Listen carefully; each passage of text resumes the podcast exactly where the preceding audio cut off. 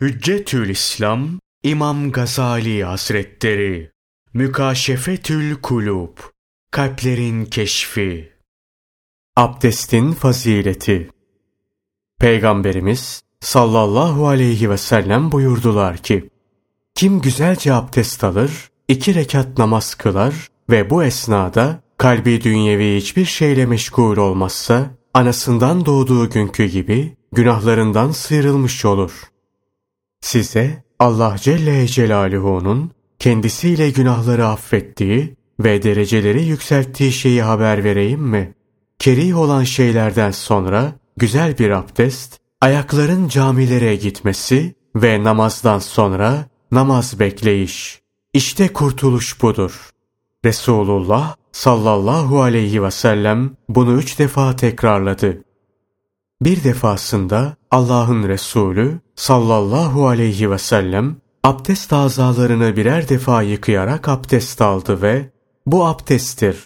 Allah Celle Celaluhu namazı ancak bununla kabul eder buyurdu. Sonra abdest azalarını ikişer defa yıkayarak abdest aldı ve kim azalarını ikişer defa yıkayarak abdest alırsa Allah Celle Celaluhu ona ecrini iki kere verir dedi. Daha sonra azalarını üçer defa yıkamak suretiyle abdest aldı ve bu benim, benden önceki peygamberlerin ve Allah Celle Celaluhu'nun dostu Hazreti İbrahim aleyhisselamın abdestidir dedi. Kim abdest alırken Allah Celle Celaluhu'yu zikrederse Allah Celle Celaluhu onun bütün vücudunu temizler. Kim Allah'ı zikretmezse onun sadece su değen azalarını temizler.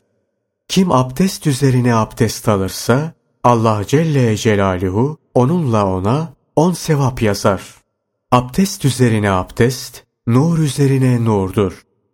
Bütün bu hadisler abdesti yenilemeye teşviktir.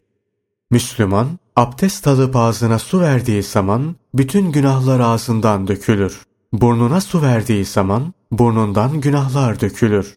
Yüzünü yıkadığı zaman göz kapaklarının kenarlarına kadar yüzünün bütün günahları dökülür. Ellerini yıkadığı zaman tırnak altlarına kadar ellerinin bütün günahlarından, başına su verince de kulak altlarına kadar başının bütün günahlarından, ayaklarını yıkayınca da ayak tırnaklarına kadar ayaklarının bütün günahlarından sıyrılıp çıkmış olur. Bundan sonra camiye gidişi ve namazı nafile olur.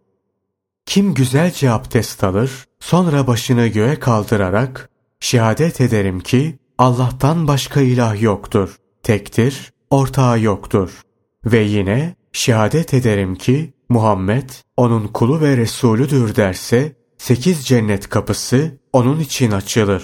Dilediğinden girer. Allah ondan razı olsun. Hazreti Ömer der ki, temiz ve pak bir abdest senden şeytanı uzaklaştırır. Mücahit de şöyle der.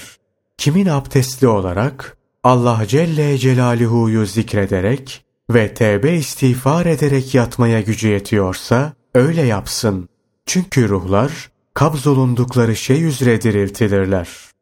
Anlatılır ki bir ara Hazreti Ömer radıyallahu an Kabe örtüsü için Peygamber sallallahu aleyhi ve sellemin ashabından birini Mısır'a göndermişti.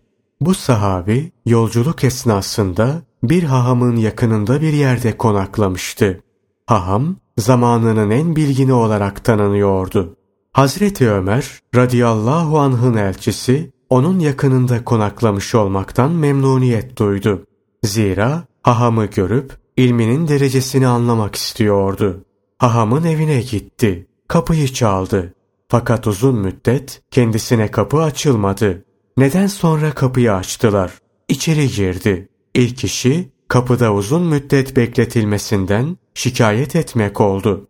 Haham kendisine dedi ki, sen bize gelmek üzere bu tarafa yöneldiğin zaman biz seni hükümdar heybetinde gördük, korktuk. Sana bir müddet kapıyı açmadık. Şunun için ki Allah Hazreti Musa'ya şöyle buyurmuştu. Bir hükümdardan korktuğun zaman abdest al aile efradına da abdest almalarını emret. İşte abdest alan korktuğu kişiye karşı Allah Celle Celaluhu'nun teminatı altındadır. Biz sana kapıyı bir müddet açmadık. Bu esnada ben ve bütün evdekiler abdest aldık, namaz kıldık. Senin korkundan Allah'ın teminatı altına girdik. Sonra sana kapıyı açtık.